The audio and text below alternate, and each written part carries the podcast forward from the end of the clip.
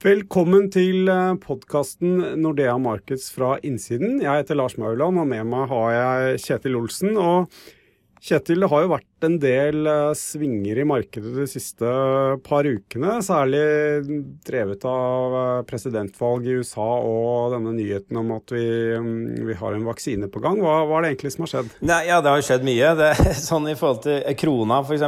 har jo styrka seg ganske betydelig da, i løpet av den siste uka. I går var den vel euro nok nede i 10,60 vel på bunnen her. En uke siden var den på hva var det, 11,15. Så det har gått fort i svingene.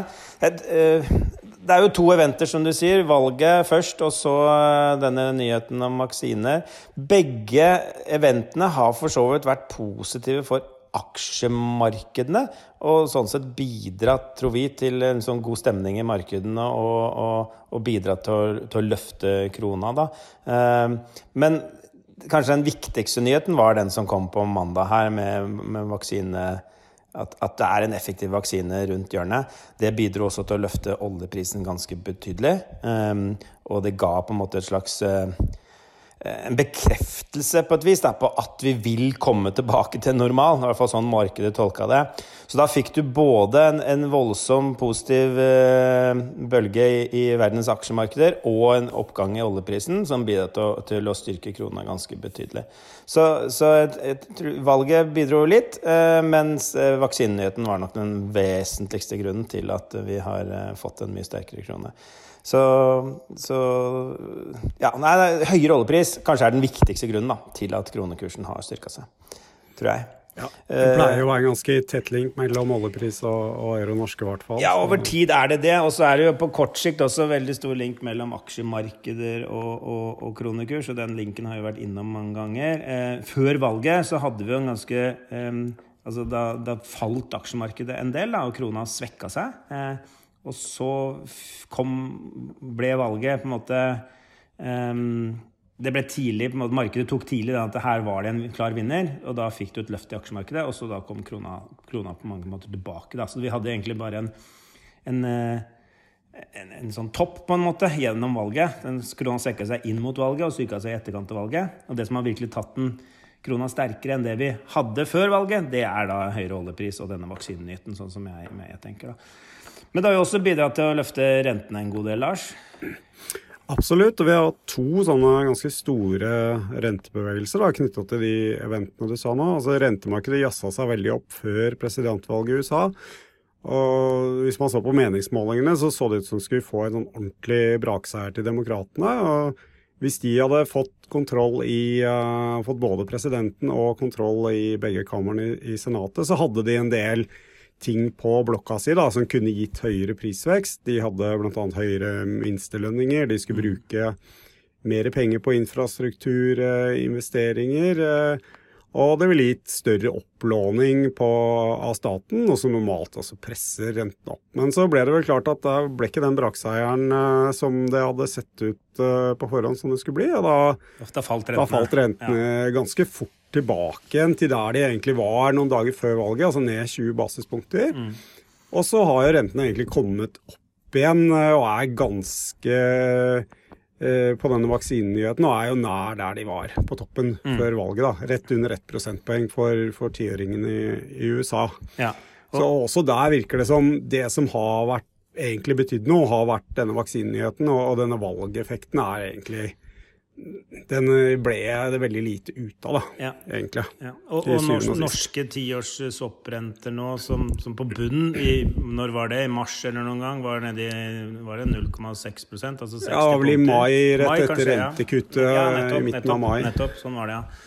Og nå er det på De har jo dobla seg nesten da, siden, siden, bunnen i, i mai. og, og det viser liksom bare hvor langt strikken var strukket på nedsiden. Og klart, da var det en helt annen situasjon. Uh, men, men uh, vi ser jo, og det har vi sagt før, altså en, en, en sikker vaksinenyhet er, er uh, veldig, veldig godt nytt og, og, gjør jo noe med utsiktene fremover. Vi har jo ventet at det skulle komme en vaksine, og det tror jeg de fleste har venta på. Men det er noe annet å vite at nå har vi en god vaksine på gang. og så ja, Det blir sikkert noe problem med, med distribusjon, og alt går sikkert ikke helt etter planen. Men, men, da, da har vi i hvert fall den liggende der ute, og det gjør at vi på et eller annet tidspunkt, da, sannsynligvis mot slutten av neste år, kan begynne å fungere ganske normalt igjen. Ja. Og som vi også har sagt før, at eh, renteforventningene, i hvert fall litt lenger ut på kurven, kan gå ganske mye før sentralbankene gjør det. Nettopp på en sånn type forventning. Og, og vi har vel nevnt da tidvis også at den dagen det kommer en vaksine, så vil markedet handle som om, om smitten er borte, mer eller mindre. Og det er vel nesten det Vi har nok ikke vært he helt der ennå, men du fikk en den type respons da når den nyheten kom. Det er veldig rimelig ja. å tolke det som. Men du, ja, Larsen, hvis, vi skal, mm. hvis vi skal, Nå har vi liksom fått et bra løft, da. Eh, I renter og, og krona seg en del. Hvis vi skal se litt fremover, på en måte nå er det jevn Skal rentene bare fortsette å tikke oppover, eller, eller ser du for deg at eh, liksom, det avdempes eh, litt, eh, litt, nå fremover? Jeg, jeg tror nå har vi liksom fått en del gode nyheter. Er det, det, det, er liksom ikke noe annet som ligger i løypa sånn med det helt første. Om noe så er det jo smittesituasjonen mye dårligere enn det den var for et par måneder siden. Og vi må på en måte jobbe oss gjennom denne batchen med høy smitte her. Mm.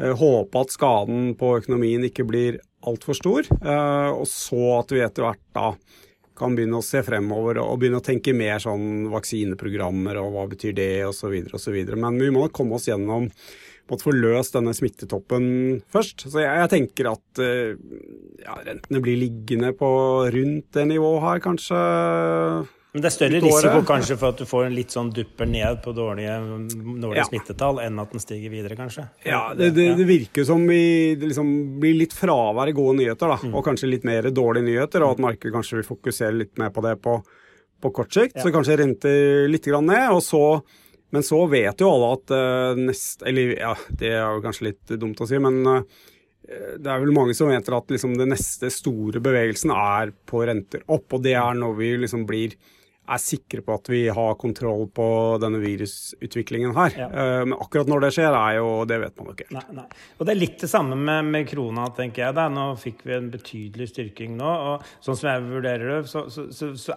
så handler egentlig krona ganske fair i en viss forstand i forhold til den oljeprisen vi har. Uh, vi hadde en oljepris på toppen her i går, var det vel, på litt over 45 dollar fatet. Som igjen liksom reflekterte denne vaksinenyheten.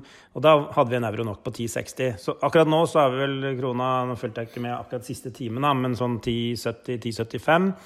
Oljeprisen har kommet ned, handler liksom om 43. Igjen, det virker rimelig.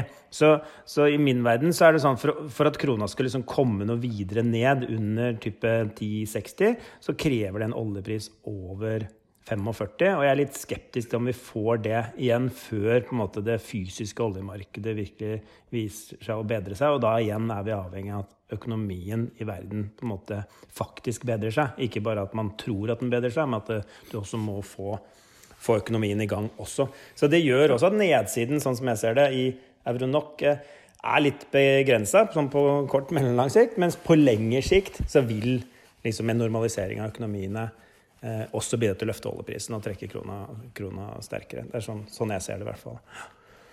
Ja, Bra. Da må vi, må vi smøre oss med litt uh, tålmodighet, da. Ja, så blir det sikkert litt volatilitet i, i, uh, i mellomtid. Men uansett veldig godt nytt at vi, vi, har denne vaksinen på plass. Og det er jo flere vaksiner også som ligger i, i løypa her og ligger an til å bli godkjent. Så det, det vil jo vil gjøre at hele den distribusjonsmodellen blir litt, litt safere når ikke alt henger på én eh, produsent ja. og én vaksine. Ja, og jeg tror også sånn for økonomien sin del, så det er mye viktigere det som skjer på den fronten, enn type nøkkeltall vi får fremover, som kommer til å være negative pga. nedstenginger. Men det er egentlig ikke så veldig relevant, fordi det relevante er når får vi vaksinen på plass, og når blir vi kvitt viruset. Da vil økonomiene bli normale igjen. Så da er det litt sånn Det spiller egentlig ikke så stor rolle for det spørsmålet.